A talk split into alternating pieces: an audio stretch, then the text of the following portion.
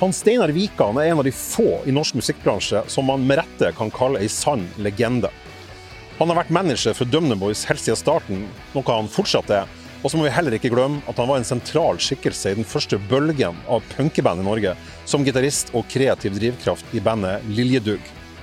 Det er knapt noen i landet som kjenner bransjen fra innsida bedre enn han Steinar. Han Steinar har vært med på det aller meste, fra ei tid hvor man måtte tyvkoble lydanlegg fra tvilsomme sikringsbokser og til stadionkonserter i ny tid. I dagens episode snakker vi om et langt liv i bransjen. Om da han dro på konsert i England med Led Zeppelin i 1979. Om hvordan musikk som har forma han. Og selvfølgelig hvilken skive han ville hatt med seg på ei øde øy, om det var den eneste han fikk med seg. Og masse, masse mer.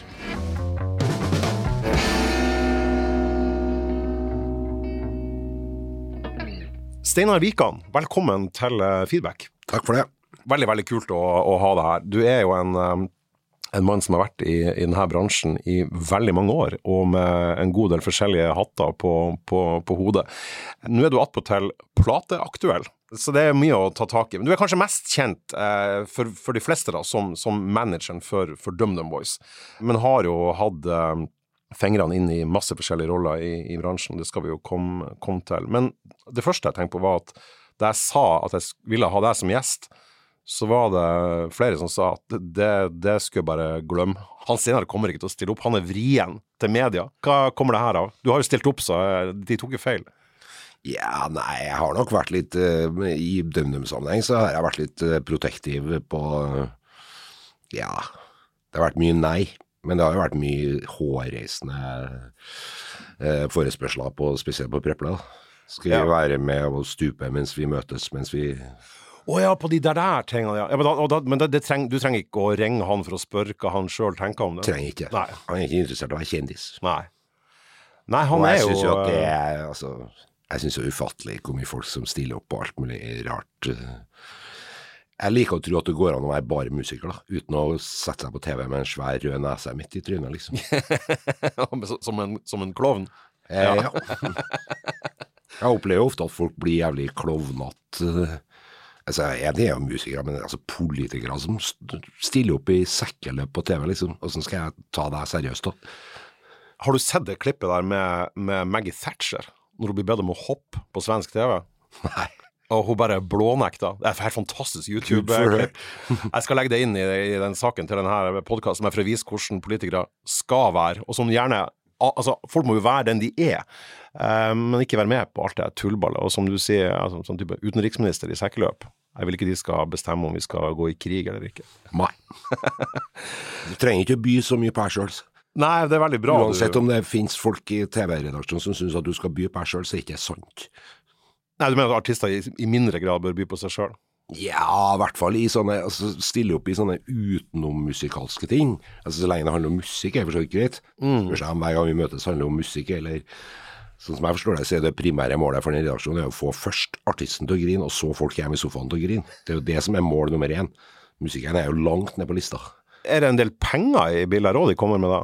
Ja, ja. Preple, for eksempel, han er jo en av de største frontfigurene i norsk uh, rock noensinne. Uh, Nei, du får jo betalt. Får godt betalt. Ja.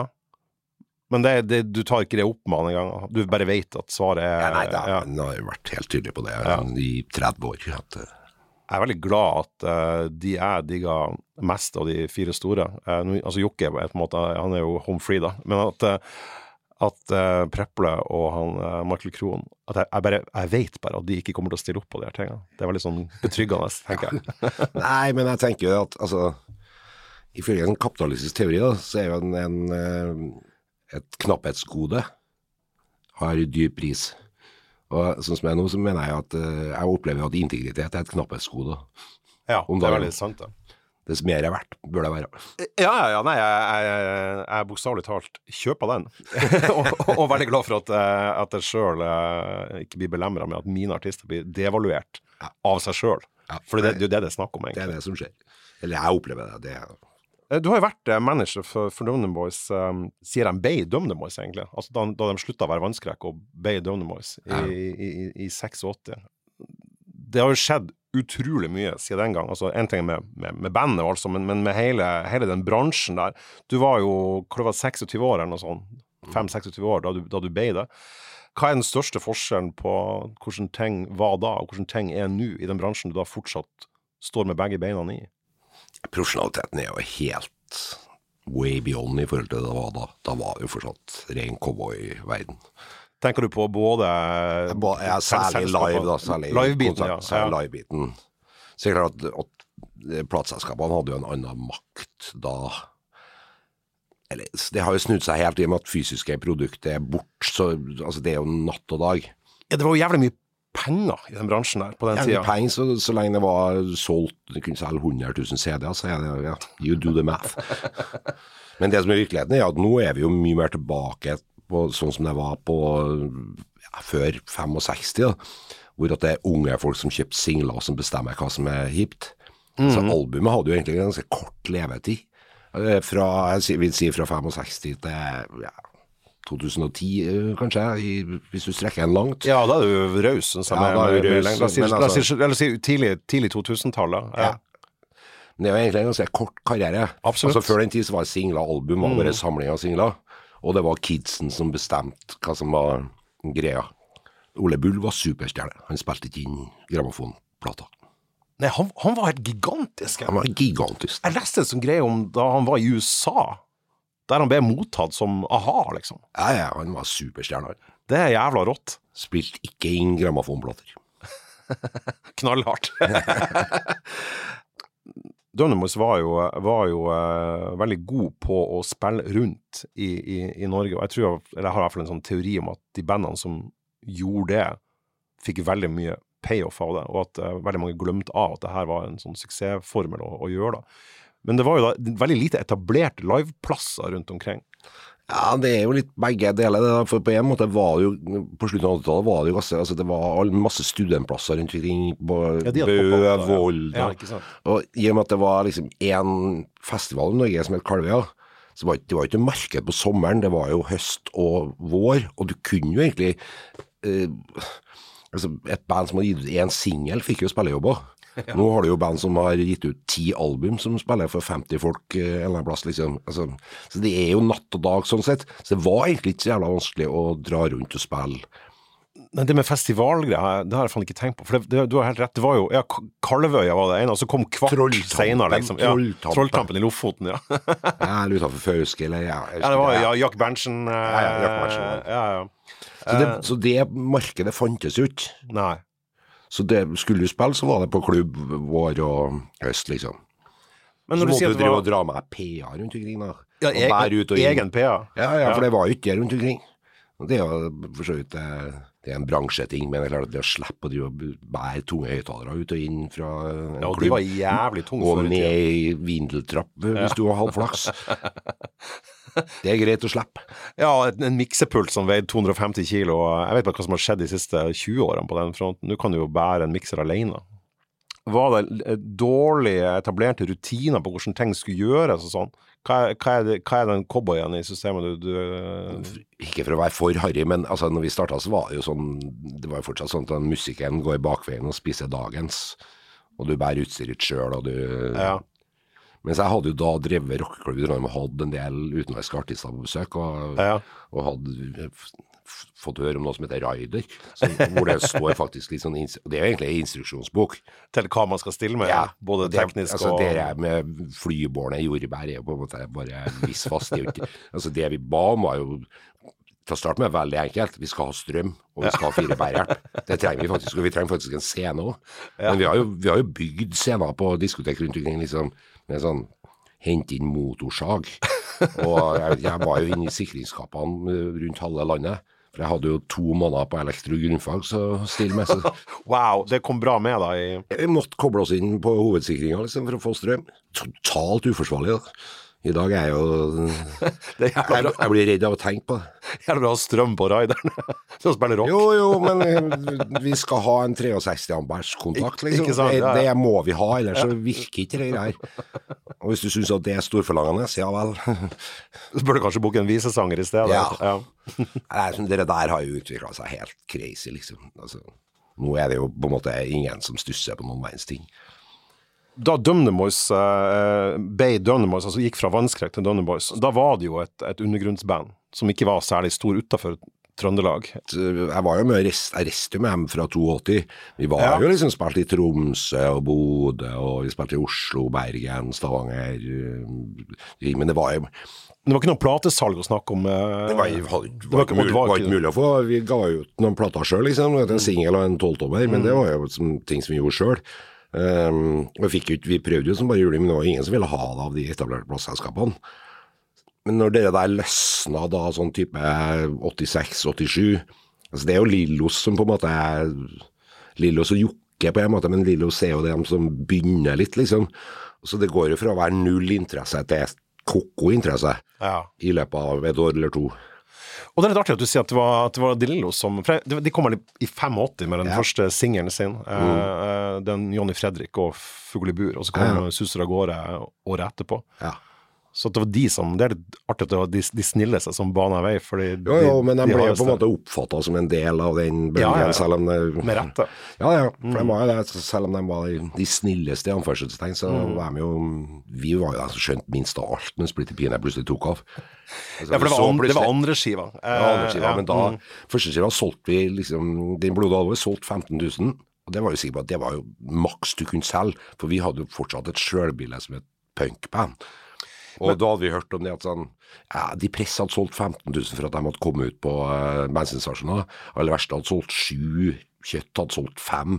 Og det var jo de tingene vi sammenligna oss med. Så vi var jo sikre på det at ok, 15 000 det er jo absolutt taket.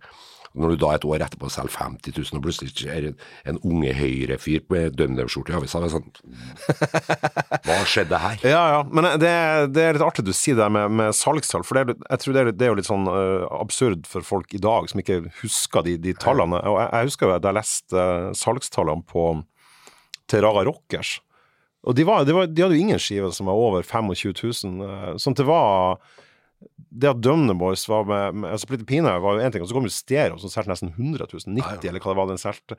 Eh, og det er sånn sjuke tall i, i den dag i dag, altså. Fysiske salg. Ja, ja, det er helt krise. Du eh, den- treffer jo planken på et eller annet vis, har jeg kjent, ja. Ja, både samtida, har både flaks og er Ja, heldig. Og, tror, mulige måter. tror du den bokmålsbiten var, var, var, var vesentlig? Ja, det tror jeg. Eller riksmål, egentlig. Da. Riksmål, ja. ja. Ja, for altså, man skal ikke sange på trøndersk. Mm. Så det er klart, det at du Uh, Og det å være trønderrocker er jo litt uh, begge deler, for å si det pent. Etter tveegga sverd. Ja, ja, men altså det, du, altså det er jo Man ser jo at, at folk som sier uh, Det er vanskelig eh, å slå igjen nasjonalt med å synge på dialekter, selv om altså, okay, jo. Kaizers har fått det til, Åge har fått det til, masse Ja. folk som har fått det til. Jørn Hoel. Ja da. Og en, eh, og en annen artist du manager for, Stein Torleif Bjella. Ja, ja. Ja, så det går jo, det òg. Ja, absolutt. mm. Dere flytta jo til Oslo òg, i 87-88. ja. Eh, Var det viktig, tror du, å komme nærmere bransjen og de her tingene? Ja, det var jo litt sånn som Kjæresten vår hadde også lyst til å flytte. Det var jo litt sånn I Trondheim, jeg så de gutta som var eh, noen år gamlere enn oss. De satt mer og mer på pub og la mer og mer store planer som det aldri ble noe av. Altså, altså i, i, fare for å havne i samme kategori? Ja, fikk jo litt angst for å havne der, da. ja, ja det, jeg. Altså Det mener jeg jo for så vidt historien har eh, bevis på, at det å flytte til en større by, det gjør deg jo mer Du kan ingenting, men du, du blir jo litt mer i angrepsposisjon, da. For du er på bortebane. Så du må holde på. Og det er jo litt sånn, i hvert fall den gangen, men for så vidt det har jo vært litt sånn rockeband-konsept. Det er du er en gjeng mot verden. Ja, det var det på 60-tallet, og det er det fort, og, det, og Dønne var fortsatt på, på den, på den bagen da. På en måte, ja. ja. Uten at man skal overromantisere det, altså, men eh, Nei, Men men, det er et vi snev av jo, sannhet i det. ja, vi snakka jo om et band som kom fra undergrunnen. Det var Ja. ikke liksom eh, altså, Tar du band som Madrugada, eksempel, så var jo de De debuterte på toppen av VG-lista. Mm. Uh, her har dere gått en mye lengre vei, da. Uh, fra ja, til toppen. undergrunnen jo til holdt på i bortimot ti år før det løsna, liksom. Jeg tenker på det her med eh, den, den tida, og at det var dårlige rutiner på ting og sånn. En, en ting som går igjen når det kommer til deg som, som manager, som alltid dukker opp, enten det er sånn, i sånne portrettintervjuer eller folk jeg snakker med, sånn, så, kommer det, så kommer det opp et balltre bestandig. Ja, det er bare Er det en myte at du, at du hadde balltre når du var på turné med Eller er det sant? Jeg var med et balltre på Toto. Jeg fikk, jeg fikk det i gave fra bandet. Det er så det er Og det, sant. jeg var med, men eh, det har, aldri, det har aldri vært brukt. Du har ikke brukt det på noen, nei? Aldri. Nei. Eh, I hvert fall ikke som vi sier her. Nei, men jeg, Du- du- du- jeg er ikke noe voldelig. Nei, nei men, det, men hva, er, hva var det greia? Var det bandet som Var det for at du Det skulle skremme folk? det var jo Spinal Tap-grev. det var bare en joke. Altså, egentlig, jeg er ikke så stolt over det i dag, altså, for det er ganske harry, egentlig. Ja, du er kjempeharry. Ja, superharry. Ok, da skal vi la, skal vi la, la balltreet ligge, og så skal vi bevege oss mer over i, i uh, det som har på en måte danna musikkmennesket. Steinar Wikan, jeg er interessert i hva du ville hatt med deg på øde øy, om du fikk bare velge ei plate. Og der hadde du tre alternativ. Jeg tenker alle tre er verdt å, å, å nevne. Det ene du hadde var ei skive du har snakka om før, Velvet Underground og Nico fra 1967, og så hadde du um, uh, The Purples In Rock fra 1970, og så hadde du Let Love In Nick Cave, som vel kom i 1994, hvis jeg husker rett. Ja, stemmer. De som er i rommet her, som er altså jeg og lydtekniker eh, Svein her, og, og Steinar, vil jo da se at han Steinar har på seg The Purple In Rock-T-skjorte. Så han er dressed for the occasion, som det, som det heter. For å ta det første først. Velvet Underground Nico, den er fra 1967. Du kjøpte den vel neppe da den kom, for å si det sånn. Nei, den kjøpte ikke jeg før på 80-tallet, så Deep Purple in Rock var jo for min del mye før. Men Ja. det var jo som et resultat av punketingen. Altså ble vi jo veldig oppmerksomme og veldig digga Iggy Pop ut av ville helvete. Så soloskivene Ja, ja, Idiot og Less for Life og sånn. Ja, og så oppdaga vi jo de Stooges-platene fort, da. Ja, ikke sant. De to, særlig de to første var jo liksom helt uh, sentral. Ja. Og så var det jo i det med at vi fikk høre om Velvet Underground, eller vi visste jo halv jul i det og sånn, men, men jeg, jeg syns jo den første Velvet-skiva er ganske Det er ingen dårlige låter her. Det å stå i platebutikk med øretelefon og høre Heroin, liksom, det, det var et stykke unna Wenche Myhre. ja, det kan man det, Og det er kanskje den, safe to see. det, det er kanskje den strengeste låten på, på plata. Den er jævla streng. Den er, det er liksom, Streng sånn, og lang og piggete. Ja, det er som en fryktelig moden rakfisk. Altså, den, den, den er for spesielt interesserte, da. Men, men eh, det hørte du altså første gang på platebutikk med sånne headset. Det må ha vært noen bra folk som dytta det på da, tenker jeg. Ja, vi hadde jo en platebutikk i, i Trondheim som het Playtime, som var nede i en kjeller der. Ja, den har Der masse om. Ja, og der var det jo noen folk som var litt sånn, ja, som sagt, de var litt sånn som vi har i Fidelity. Ja, sånn Det- nerdete. Ja, det var mye de ikke hadde der, altså. Det var ikke noe smart å komme ned der og spørre om Bonnehjem. Det, det var ikke noe sjakktrekk. Det var noen sånne butikker. For du hadde jo rockshop her på Aker Brygge i, eh, her i Oslo. Der husker jeg han, han Bulle, også trommis, han jobba der. Så husker jeg jeg sto opp med kassa, så kommer det en, en uh, kunde, så sier han eh, har de noe heavy her? Og så sier han nei, vi har en pose klovneneser.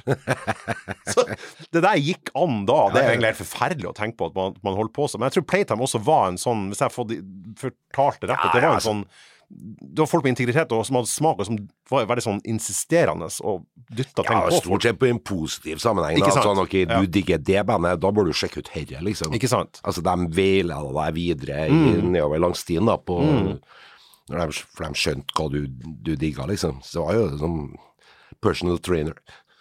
Ja, og det er jo, eh, og det er jo uh, veldig vanlig at folk har uh, Når jeg spør dem om din musikalske sånn skoledannelsen til folk, så har de enten storesøsken eller en platebutikk, som regel. Eller storesøsken til noen venner. Og gjerne i kombinasjon, begge delene, da. Nei, for det var jo store Altså, mine kamerater hadde storebrødre, liksom. Ja. De var jo veldig sånn eh, Ja, det var jo Purple og Zeppelin og de bandene der, da. Ja, Sabbath, Vi var sikkert. 11-12. Ja, Sabbath, ja. alle de der. Eh, men jeg hadde jo ikke en storebror, men jeg skjønte jo da på et eller annet tidspunkt at hvis jeg har peiling på rock, da er det, det er jævlig greit. Eller den, den gangen var det Jeg skal si for noe? Jeg føler på en måte at Rockheim hadde litt uh, overdrevet høy status, da. For det var egentlig At det var en sterk kapital, på et vis. det var ja. kapital på et eller Ja. vis å ha peiling på rock. Det Ja. var veldig anerkjent. Uh, Så uten store, storebror så var det å ha peiling på at, eh, å kunne høre at det var Glam Folk Railroad, Og jeg tommel opp.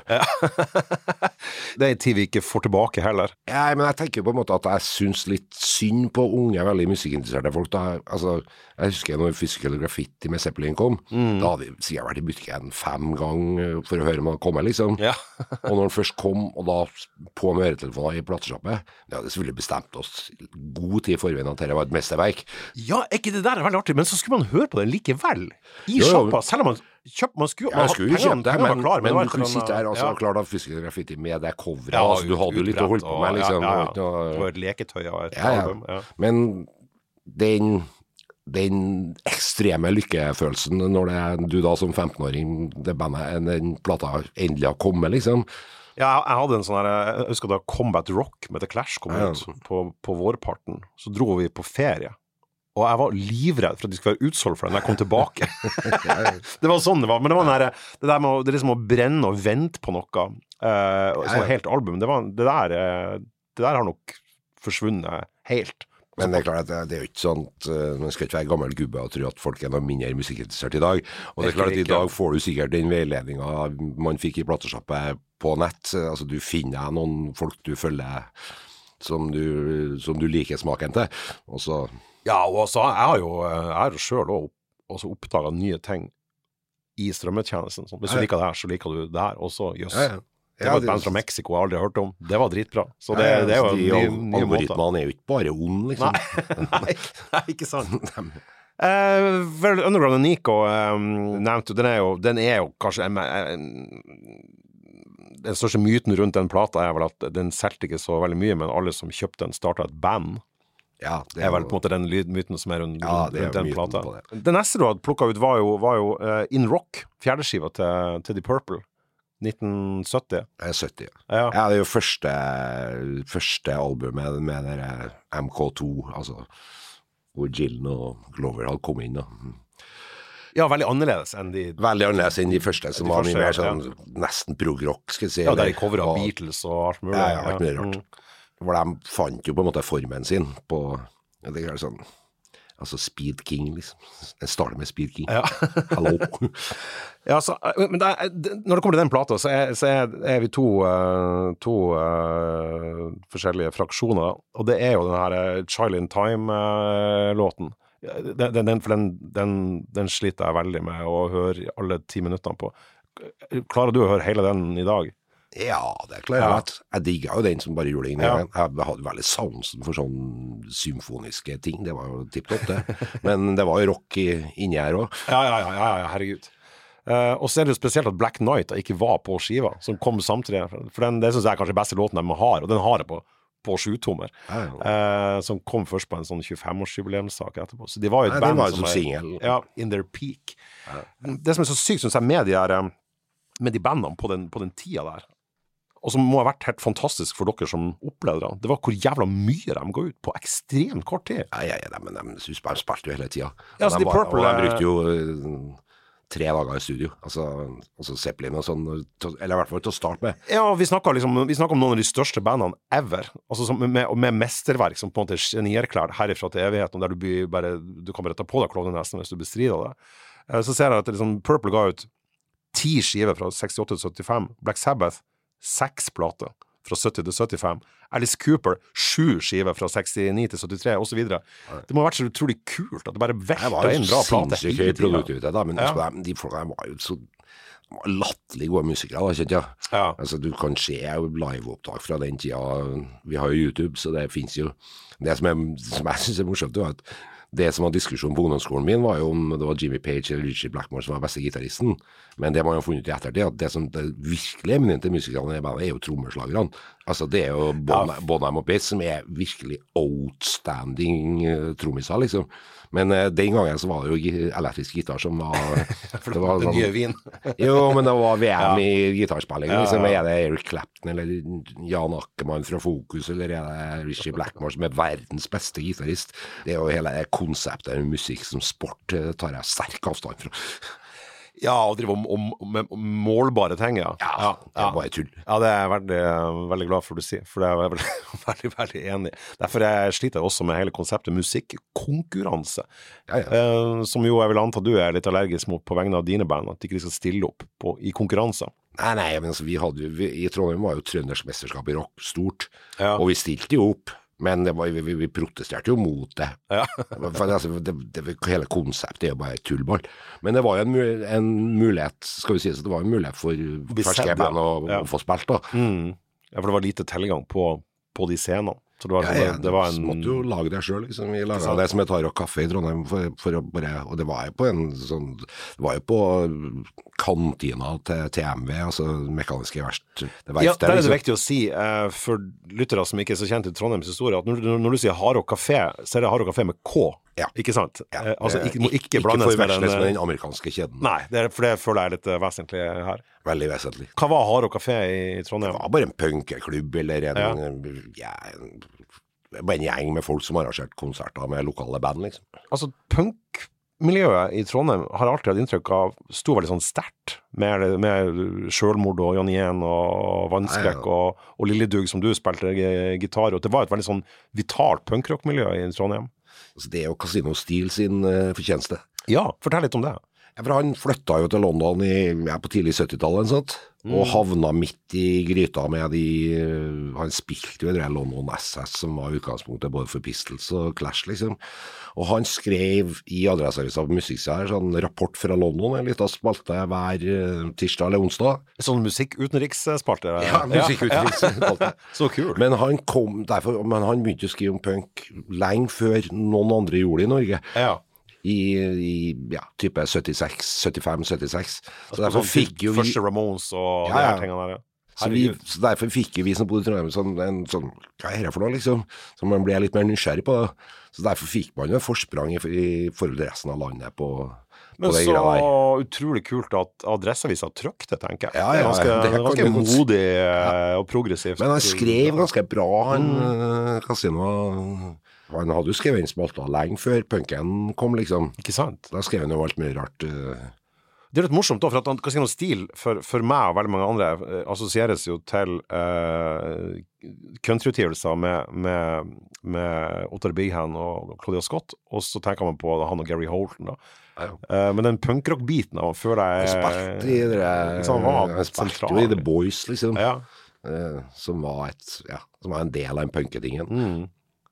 Eh, den siste skiva du hadde plukka ut, eh, det blir, jo, det blir jo lett for deg å være på den røde øya, tenker jeg, med den her eh, trippelpakken. Vanligvis så sier jeg bare ei plate, men eh, vi må jo være litt greie også. Den siste var Let Love In med Nick Cave. Det er jo tusen ting man kan si om den. Kan du fortelle hvorfor du har plukka akkurat den? Jeg vet at du er glad i Cave generelt. da. Jeg er jo veldig glad i Cave. eh, Altså, når vi holdt med Lilledugg, i- så kom det en eller ut på Parkkafeen i Trondheim som var en samlingsgreie for punkere og freaks, liksom. Og kom og ga meg Players on Fire med Birthday Party. da. Og dæven, Birthday Party! Altså Nick Cave sitt første Ja, band, da. Ja, er- Eller andre andre band. andre ja, Andre band, hvis du skal være litt- Boys, skal være pirkete. Bo- Boys, Bo- Boys Next Door var først, men det var de samme folkene, og de bytta navn til Birthday Party. Ja. Ja, for det er sånn Hei, det her er folk på andre siden av jordkloden som driver med samme som dere, liksom. ja, tenk. Ja, for vi hadde ikke hørt noen Det var ingen, det var ikke så mange band som, som holdt på sånn som Lillehaug gjorde. da. Det var egentlig Birthday Party. Det var det første vi hørte om som var litt i samme øh, Ja, og, det er jo, og det er jo jævlig strengt. Altså, Birthday Party er jo Det, strengt. det får Ramones til å høres ut som eh, englekor. Altså, det, det er veldig, veldig eh, Det, det er mye sinne og frustrasjon. Ja, er kantete. Kantete, ja. Er veldig, veldig bra adjektiv, føler jeg. Ja. Men så fikk han jo en solokarriere etter hvert, som etter hvert ble mer, mer uh, tilgjengelig, og i dag er han jo, er han jo liksom ja, i dag er han jo blitt smørsanger, så Ikke sant. Men, men hva er Det grunnen er klart, de du tok- første Bad Seeds-platene er også ganske kantete ting, altså. Men, Ja, men det det blir jo jo- mer og mer tilgjengelig. Absolutt. Men hvorfor har det vært akkurat Let Love In, da? Fra 94? Nei, den er jo ganske snill i forhold til tidlig Bad Seats og Birthday Party, men jeg, jeg syns jo at Do You Love Me er en av verdens beste låter. Men det er altså det, Og Red Right Hand, altså det, det er noen virkelig giganter av noen låter der, da. Ja, jeg, jeg er veldig glad du tok den. Jeg syns det er hans beste plate. For jeg syns den representerer en slags bru imellom Ja, ja. de forskjellige epokene hans. da For du har også det her Jangling Jack og sånn. Sånn. du har den gamle tingen, men, men den, det er som du sier, den, Loverman den peker i begge retninger. da. Ja, ja, ja, Både bakover og fremover i forhold til han. Sånn, Den, den låten, Loverman, har liksom alle Nick Cave-ene i seg. Alle, Ja, ja. alle fasene av Nick Cave inne, inne i, én låt. Og så var han jo ikke minst helt sykt bra live på den turneen. Var du i Spektrum da? Jeg vil ikke snakke om det. Ja, han var han spilte på Sentrum Scene. Sentrum Scene, men- mener jeg. Ja. Vet du hvor jeg var da? Nei. Jeg sto på et jorde i Bodø. Med, med Sirkus Midgard. Nei, nei, nei, nei. Der sto både jeg og Aslak Dørum og var helt klar over hvor vi burde ha vært. da. Å, fy faen, for du, har jo sett Cave 50 ganger altså. men, du, men, Ja, men 30 ikke, 30, ja, men du har altså ikke, ikke akkurat den gangen. Ikke den turneen. Jeg faen beklager at jeg rippa opp i, ja, i det, men du kan da Du kan jo da, eh, du kan jo da uh, plage lytterne med at du hvis de, hvis de begynner å hovere om det her, så har du jo sett Cave i en tidligere fase som ikke så veldig mange har gjort. Nei, Han spilte jo i Oslo med Birthday Party i februar 83, kanskje? Tror jeg. Kanskje. Ja. Det føler jeg er en sånn konsert at hvis alle som sier de var der, virkelig var der, Da Så hadde han solgt Spektrum. Hovin, ja. Ja, Eller ja, ja. eller Telenor. ja. Ja, det er litt sånn. For den er blitt sånn mytologisert. Jeg så det faktisk nå i sommer, da, da Cave spilte på Øyafestivalen. Så ble det nesten en sånn konkurranse på Facebook Ja, å ha ok. vært på den der, og ha vært på den der birthday party-konserten i, i, Jeg i og nevnte Bulle sto foran. med Bulle og du var på den, ja. Vi Ja, ja, ja. var helt forrest. Fantastisk. Har du møtt noen av dem i Bad Seeds eller Cave sjøl? Jeg har møtt uh, ikke Jeg sutra meg til å være eh, sånn artistansvarlig for den som er på Kalvøya i 97. Det var Murder Ballads og de her Ja, tingene. ikke 97. Jo, Ja, det var- jo, det, jo, og det var han- 97 og da var på svær, ja. Og det gikk jo selvfølgelig rett i veggen. Men Du, du, skal jo ikke bli kjent med idolene dine. nei, det ble ikke noe lykkelig eh, Nei, jeg tok imot dem på Fornebu, og så gikk de av gårde. Og så, ja, så vi kom på hotellet, så var det sånn Are you a policeman? Nei, nei, artistansvarlig. Are you a copper? Are you sure, are you sure you're not a copper? Du ser Nei, ikke veldig ut som politiet. Ja. Så etter en lang sånn forsikrelse om at du ikke er copper, can you get us some heroin? nei, nei, nei, fy faen. I 97! De var helt ut hele gjengen. Etter konserten så står Nick Cave og snakker med Unni Wilhelmsen, og Unni og sånn eh, 'Har du møtt Steinar, liksom? En hyggelig fyr'. For ei setning! I have met him. He's the most arrogant person I ever met. Så gave om deg. Å, fy faen, for en eh, attest. Det er hockeykjeft, det. Eh, ja, det, det, det Jeg syns det, er- det er jo litt tøft da, da. Ja. Ja. Jeg, altså, dem var Mick Harvey var hyggelig. Ja, Mick Harvey er jo, eh, er jo veldig hyggelig. Ja, ja. Han, eh, for de som ikke vet, det, han var jo en fast Han hadde spilt med Cave fra, fra Boys Next Door Birthday Party og helt frem til og med noen av de siste platene. Og så ja, tok Warren det er jo Ellis ti år siden, hans ja. ti år siden i hvert fall. Og da gikk han over for å begynne å spille med PJ Harvey, eh, som da har vært kjæreste med Nick Cave. Så det er en virvar av eh, ting der. Men en utrolig sympatisk fyr. Han har vært i Tromsø og spilt. Ja, ja. Eh, Veldig, veldig fin type. Masse fine. Han har gjort masse sånn uh, Serge Garnsbro-ting. Ja, To-tre plater med, med det også. Hvordan forhold ha, altså, Du snakker om det der med å møte artister. Det skal man jo helst bare unngå. For Ja. det blir jo ofte eh, fælt. Det er sjansespill. Å møte folk du digger. Ja, det er veldig, veldig- fotball eller musikk. Don't go there. For du, du vet jo det der, ikke sant? at det her, sånn er det. Og, og så er du da manager for et, eh, et band som for veldig mange andre er, et sånn, en sånn artist man er redd for å møte. Tror, du- tror du folk eh, blir skuffa når de treffer Dønne Boys? da? At, er, de, de, er de sånn cave-gærne? Nei, i hvert fall ikke nå. Nei, har vært det. Ja, det gikk jo litt hardere for seg. i- Det var jo tegn der òg, liksom. Ja. Ja, det var jo et litt eh, Hva kan jeg si eh, Omfattende rusinntak.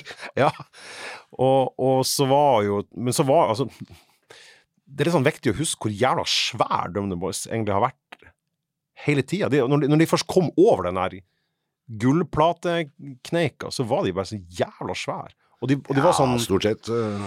Ja, men jeg husker liksom at det var, at det var uh, rockere som digga til å begynne med, og som du sa, så sto plutselig folk på Unge Høyre-landsmøte og sang Splitter Pine, liksom. Så det var, de, var, de sloss jævla bredt an, da. Ja, de gjorde jo det. Uh...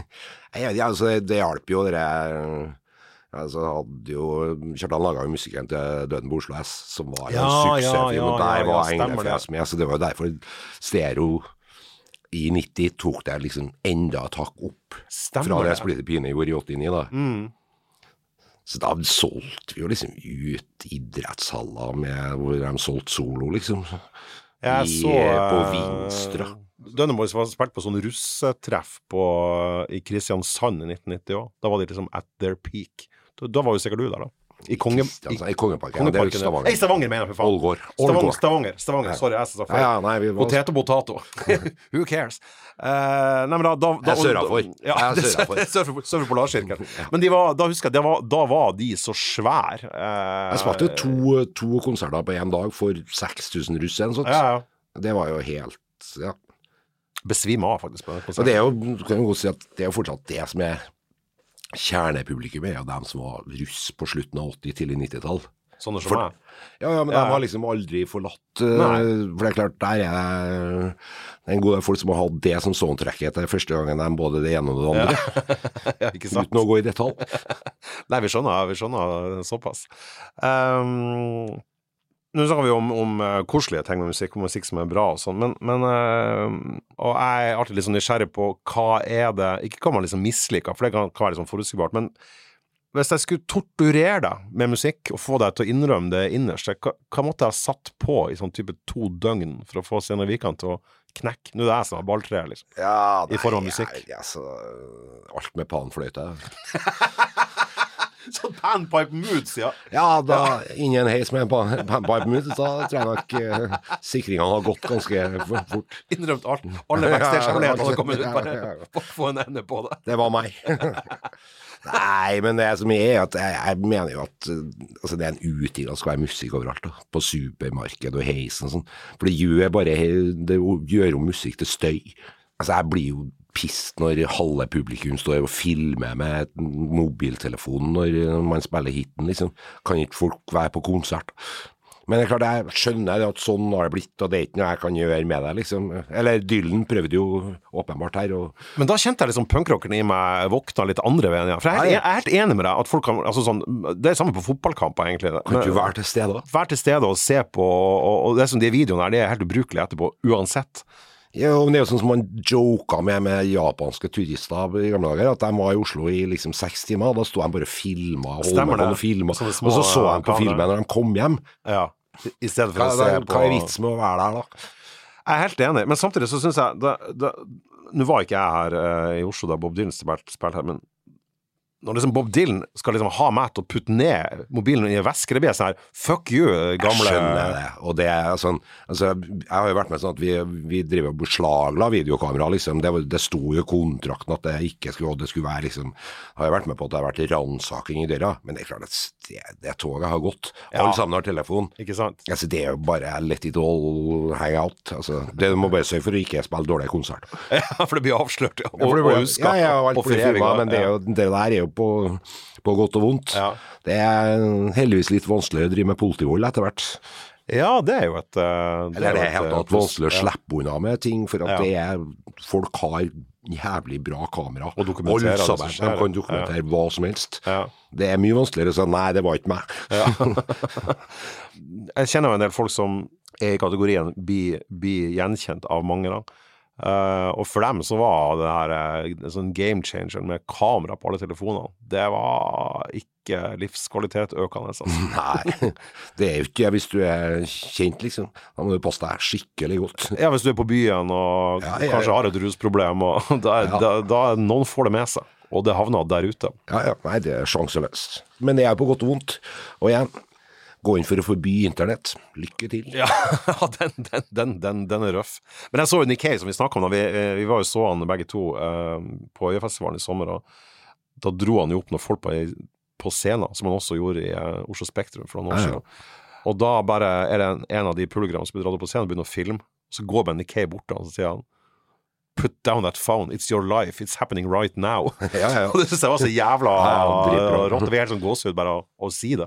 Og det håper jeg var en vekker for han fyren der. Kanskje han har berga én fra mobilhelvete. ja. Du har jo sett helt sinnssykt mye konserter, eh, ikke, bare med, med, med Dumner Boys og med Lilledug og helt til Skelter, de bandene du har vært involvert i, og for så vidt Stein Torleif Bjelle òg, som du er manager for. Du har jo sett jævlig mye opp igjennom åra, både som um, konsument og manager.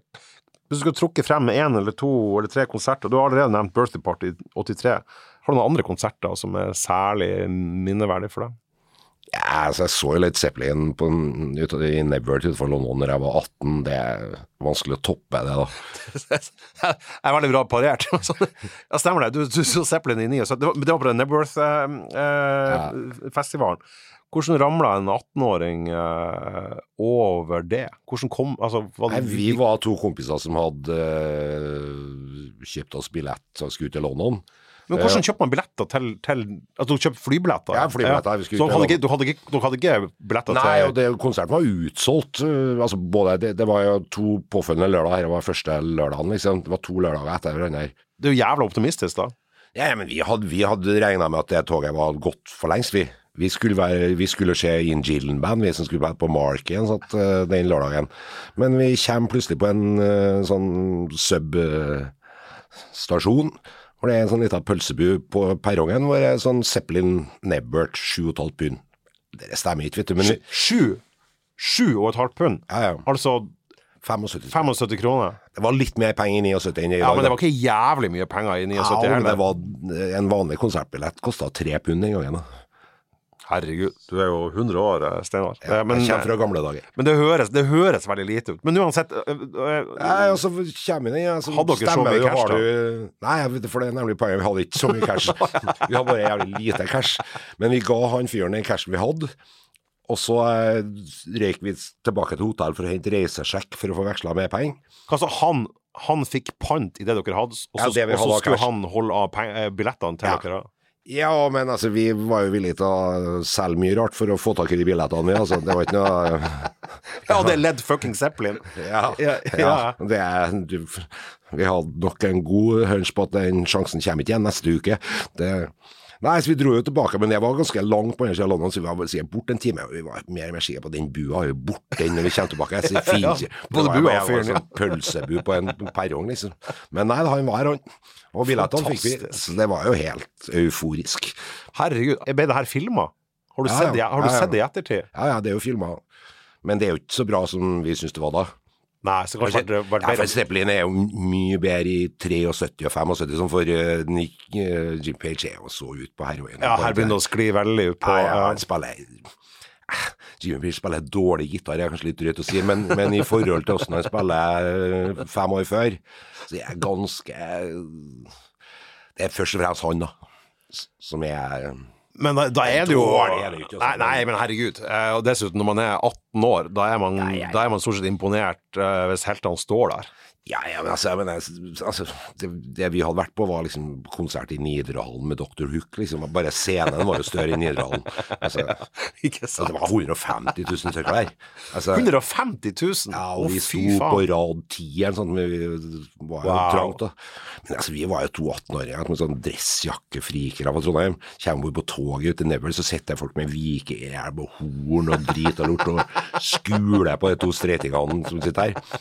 Men jeg klart at når vi da fortalte at vi har kommet, kommet, Vi la jo litt på oss at vi har kommet fra Norge for å se Zeppelin. Da var det sånn Have a beer, Mike. Da var dere innafor? Ja, dere, det var innafor. Vi, kom, vi kom ikke fra liksom. Leeds, liksom. Nei, vi kom fra nei, ikke sant. Ja. ja, det ble sånn eksotisk kult, da. Ja, ja. Faen, du er tidsvitne, Steinar, altså. tidsvitne. En annen konsert du, du snakka om, var, var, det er jeg veldig sånn nysgjerrig på, det var uh, The Jesus and Marriage Chain. Mm. Tid var det? Jeg tror ikke jeg hadde gitt ut første albumet. Jeg tror Så før Psycho Candy? Ja. Jeg 84, tror det var bare 85, EP eller noe sånt. Ja. ja. 83-84-ish, jeg husker ikke akkurat. Men de var jo på sånn promorunde. De spilte jo kanskje var 50 stykker på uh, Skansen i Trondheim, liksom. Og bare si til, til lyttere som ikke har noe forhold til altså det, det tidlig The Jesus Marriage det er altså så diskanttungt og hardt og kvast. Uh, og med trommis uh, Bobby Gillespie, som er mer kjent som frontfigur i Primal Scream, som begynte ja, ja. i ettertid å se dem før debutplata live Da var de jo kjent for å spille konserter som varte i sånn ti minutter. Og Folk 19, kasta 19 minutter, tror jeg. 19 minutter. Tror jeg de spilte i, og det er jo rene skjære proggekonserten til å være dem da. Vi hadde jo hørt om det, og Ja. det var jo right up our alley, liksom. Det var jo sånn Så jævla kompromissløst. Ja. Jo, men det er jo nydelig popmusikk inni det. er det som er fantastisk, Det ja, det som er fantastisk. Det er jo, det er jo sinnssykt fin popmusikk, men jeg bare lagt på noe føss og noe diskant, eh, så det gjorde meg etter. Ja, noe så jæ... jeg, trodde var, jeg trodde det var noe feil med platespilleren min første gang jeg hørte Psycho Candy. Ja, det er veldig spesiell produksjon. Og de spilte altså i Trondheim. Det var bare på sånn promorunde, liksom. Sånn, for å lære seg å spille. Ja. De var ikke noe- de var ikke noe gode til å spille. Nei, de var jo eh, i, i beste fall eh, kunstnerisk annerledes, da. Men eh, de fikk det jo til. Og de viser jo også at man ikke trenger å være utdanna for å få ting til å høres kult ut. Nei, men det var jo på en måte litt av ideen med hele punken. Og jo derfor at det, det var jo det som var greia med Ramones. At det, sånn, her er jo så enkelt at uh, altså det er tre barregrep, liksom. At du i hvert fall trodde du kunne få til å spille. Du fikk det jo ikke helt til, men, men, det, men det, det var jo det som skjer med punken, at musikk ble litt mer lavterskeltilbud. da. Eh, så at alle sammen kunne spille i band, det var jo heller ikke noe god idé, egentlig. Men, eh, Men det kom mye bra ut av det. men det kom en del bra ut det av det. akkurat det. Og så syns jeg det var kult at, eh, at du nevnte for meg da en, en, en helt fersk konsert. Fortell litt om det siste valget du tok der. Nei, vi så uh, Nick Love and Lost Los Street Jackets. Nick er en gammel, eh, superclassy eh, brite som, som eh, vel aldri egentlig har gjort noe teit eller dårlig i sitt liv, musikalsk. Nei. Nei, altså, jeg er ikke, jeg er ikke noen stor kjenner av Nick. Det var egentlig en kompis av meg som, som har pusha på. Jeg vet om Jonny Skalleberg som skrur lyd for Dønnemoys, han er helt gal, Nick Ja, men også han, Har han- det er bror Frode Karlsson som spiller Ok. okay. andre gitaren i Helter Skelter. Han bor Ja, i ok, Trondheim, ja, ja. men han Så vi eh, fikk skaffa billetter til det med en gang det ble lagt ut, men det var jo ikke utsolgt. Men sånn, det er så velspilt, og dem- det spilles ikke en tone for mye, da. Det er Nei. veldig sånn Og det, når man har hørt på musikk så lenge som i hvert fall jeg og du har gjort det Altså, jeg, jeg blir setter mer og mer pris på folk som ikke gjør unødvendige ting. Det er ikke noe, det er ikke noe brifing, det, er ikke, det finnes ikke noe show-off at all. Nei, de- de det er bare det. låten som, som bestemmer absolutt alt. Du gitarist skal vise frem at du er god til å spille gitar, kan du bare drite i. Liksom. Det, er ikke noe, det, er ikke det, vi, det er ikke det vi driver på med. Nei, gjør, altså, jo- gjør kun det som er nødvendig for å, for å løfte frem låta, liksom. For han, han- var jo jævla bra under covid, for han drev og la ut masse sånne her eh, heimenifra, og det var, det var, for det var mye ræl under det der. eh, Jeg var bra lei av kassegitarting etter hvert, men Nick Lowe var, var kul, da. Ja, ja. Han synes jeg var, han, var, han er morsom, bright og Ja, ja, en smart fyr, ikke Ja. sant? Men det er klart, han er en eh, voksen mann etter hvert. da. Det er ikke- det er jo ikke noe gærent i det, Steinar. Nei, nei. Nei. Men, jeg- men jeg kan godt si at sånn, den konserten Altså, Lydbildet er nesten Ole Ivars, da. Men det er noe som, men det er noe som gjør en vesenforskjell mellom Ole Ivars og da. Det er et eller annet her. Som, som, Det er rart med det. Det er vanskelig å sette fingeren på, men det, no, noe, noe er det, ja. Eh, jeg ba deg om å eh, si det verste konsertopplevelsen du har vært med på, enten som musiker eller som publikummer eller, eller, eller manager. Da skal vi til heimtraktene mine. Ja, da skal vi til Bodø igjen nå, vet du. Det er jordet utafor Bodø. Det er der det der, sånn der er du inne. der trør Nick dine. spiller på sentrum, eller Nei, gamle punkere drar for å dø. Jordet utenfor Bodø. Hva som skjedde på det jordet i Bodø? I i- 2006 så var jeg, da hadde Dunboys en sånn seiersgang eh, etter at du kom ut med den skal si, comeback-plata som heter Gravitasjon. Og det, Det var jo en skikkelig sånn comeback-seier. det var skikkelig Ja, ja. comeback-seier. Så det var, hadde en fantastisk sommer. Så skulle vi spille på første Parken-festivalen, som var, mener, det var første helga i september. Altså, det var, Ja, det kan og den var stemme. helt fersk, da. For i dag er det blitt en kjempebra, Ja, ja, ja. proff og kul ikke festival. Noe, ikke noe Det er ikke meninga å kritisere de folkene, de var ferske, liksom. Og, Nei, det er supre folk òg. Ja, ja, fine folk og alt var Mm. bra, men eh, det som ofte skjer da, eh, når du har år én, eller det de har gjort der, er at de hadde glemt salgsbelysning. Eller altså lys, Altså lys på publikum. blant publikum. Å, herregud, det høres så farlig ut. Ja, det er jævlig farlig når det da regner, og det er en ganske bratt bakke på det der greia der. Ja, for det bygde, Altså, den festivalen er jo i et slags, slags naturlig amfi, da. Ja. med gress. Ja, og det amfiet er ganske bratt. Ja, det er altså. Ja. Uh, og så hadde de satt barrikadene sånn at vaktene sto liksom lavere enn publikum, og sånn fem-ti meter fra barrikadene var det et søkk. Sånn, sånn uh, publikum. Og jeg ble Jeg fikk skikkelig angst for at uh, At det skulle gå gærent, ja. ja. altså, ble jeg tråkka jeg en 16-åring, så var, har sommeren 2006 vært meningsløs. Ja, ikke sant? Uansett. Uh, og det er jo for så vidt kontraktene mine sier at det er jo ikke mitt ansvar sikkerhet, det er jo arrangøren. Men arrangøren var jo helt fersk. Jeg fikk tak i operativ leder for politiet. Og det, er det som er kjedelig, er jo når du har holdt på så lenge som jeg, at alle sammen bare peker på deg. Det vet du best. Ja, for det er, for det, Jeg for at har du, ikke lyst til erfaren, Akkurat nå har jeg ikke Nei. lyst til å være han voksne. Nei, nei, Passer litt dårlig. Men jeg fikk tak i et sånt øh, ishockeylag eller et eller annet sånt. Ti sånne kraftige karer som gikk ut blant publikum og stilte seg som en sånn bølgebryter. da. Fordi Det som er farlig i sånne folkemengder, er jo når det blir store sidelengs Be- bevegelser, store bevegelser. Ja. For folk er jo på rockekonsert stort sett snille mot hverandre. Ja. Men problemet er at en- når, hvis du blir døtta ti meter bortover, hvis kameraten din da snubler ned i søla eh, Vi vet hva som skjedde på Roskilde. Ja, det er under ikke så lenge. Det er bare en fire-fem år etter å Ja. også, så Nei, så jeg sendte til guttene Dere skal bare stå stille. Det er eneste jobben dere skal gjøre. Dere skal ikke gjøre noe annet enn å stå helt stille og være et, et fast punkt ute i publikum. Og så gikk jeg på scenen og snakka med folk og, og sa det som det var. Sa hvem jeg var, snakka med publikum. Og, Og sa, du, du, du gikk ut og sa ifra, ja? jeg gikk ut på scenen for, Ja. og, og sa det som fortalte hvem jeg var for noe, og sa at egentlig har ikke jeg lyst til å slippe bandet, for jeg syns det er uansvarlig, men dere må love meg å være snill med hverandre. Og ellers så må jeg bare stoppe konserten. Og det, Og så gikk det, det, og det gikk jo bra? bra. Det gikk jo ja. bra.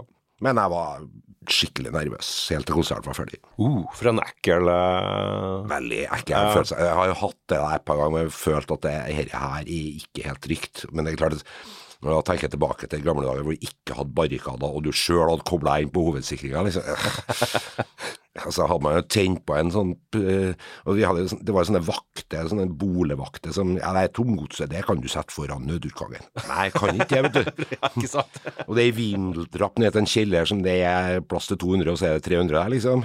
Og du vet at han, den som kommer til å slåss for å komme seg ut først, det er jo han vakta. Ja, ja, ja, for han står nærmest. Ja, for han er stor og sterk, og altså, det er, hvis, jeg hadde, hvis jeg hadde klart å tenne på en sånn en plass med de lekekoblingene, så hadde jeg sittet inne ennå. Ja, fy faen. Det er ikke noe artig å tenke på. Nei, det er freaky. Du har jo uh, vært i denne bransjen her uh, som manager veldig, veldig lenge, og, og som, som musiker. Men tenk på, som, som manager så, så opplever jeg likevel at du er som en slags eh, Som en slags medlem av bandet Dønnemor. For du, du, du sier 'vi' hele tida. Ja, jeg er klar over at det folk reagerer sikkert på det, men Nei, jeg, har vært med, jeg har vært med så lenge at Jeg er vant til at du sier det sånn, det, det, det, men, men det, du spiller jo ikke der. Nei, jeg, jeg, spiller, jeg spiller kalkulator Du spiller kalkulator, ja. i denne hus. Men, men de snakker jo også om deg som en i bandet. Så Ja, du er en, det er jo en slags familie, det her. Eller har det Ja, jeg- blitt det, eller? Ja, vi har jo hengt sammen i 40 år, altså. så, så, altså, hallo. Men de Mm. Ferskeste folkene i crewet har vært med i 15, liksom. Det er de nye folkene. de nye. Mens vi har jo da Jonny har vært med i 30 år. Altså, Og skal det være vært i 30 år?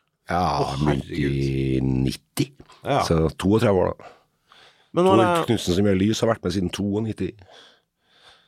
ja, klart, da blir det jo en sånn her synes det er jo familie, liksom. brotherhood uh, i, i det. Men jeg, jeg, har- jeg, jeg, snakka med flere om, om deg og din rolle i, i, i bandet, og med, også med, med andre, andre artister du, du, du har uh, under dine vinger. Og de Det virker som de har en voldsom sånn tillit til deg, da. At det er sånn Vi gjør det han Steinar uh, sier. Ikke alltid. Nei, så bra, for det var det jeg lurte på. Er, er det tilfellet? Du må, det, det er jo folk med albuer, det her òg, er det ikke det? Jo da, men jeg, jeg tror litt av grunnen til at vi fortsatt er venner, er jo at vi har hatt veldig sånn definerte roller, da. Ja.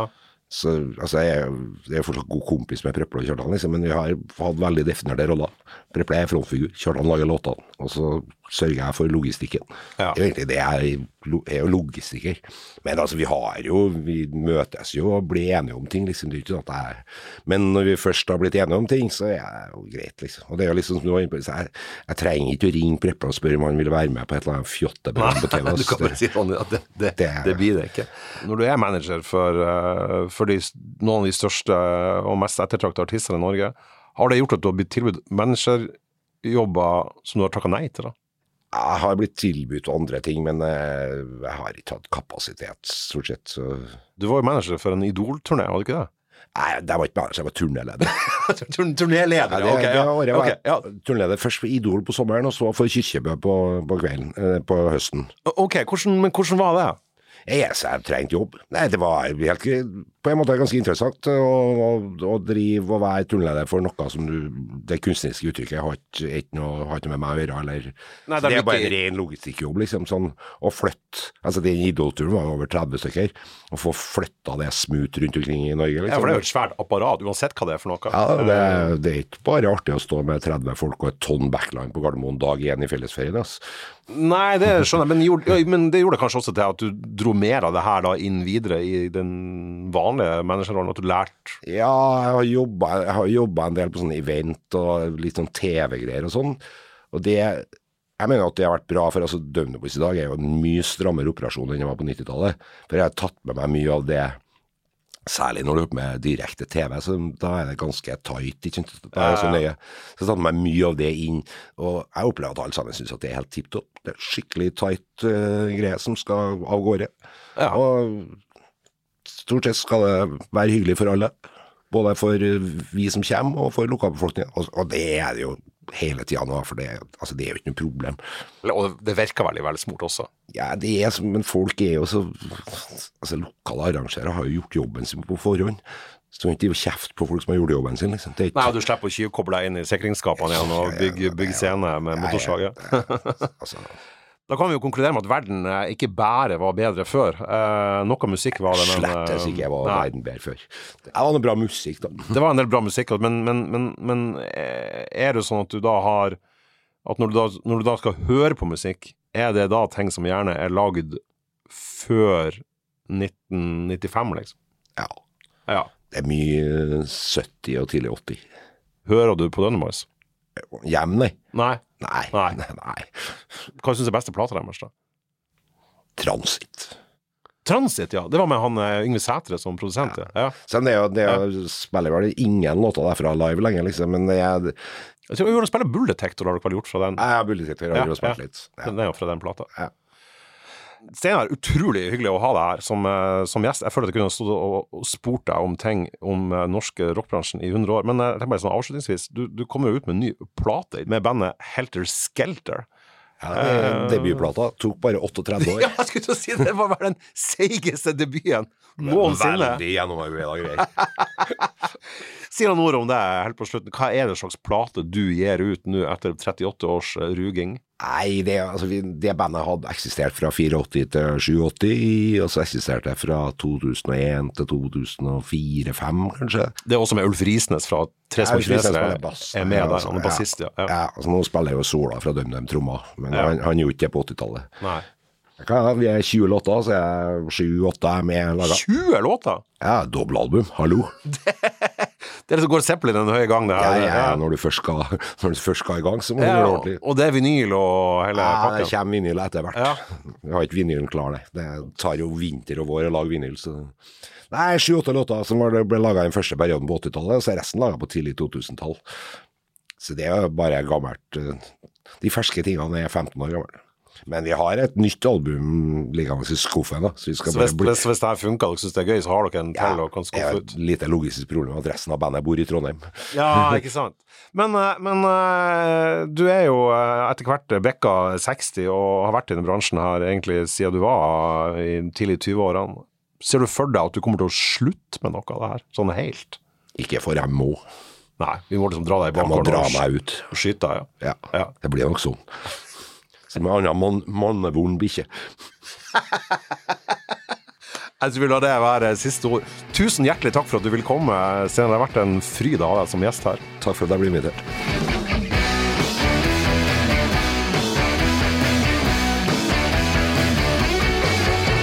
Feedback er en podkastserie fra avisa i Tromsø.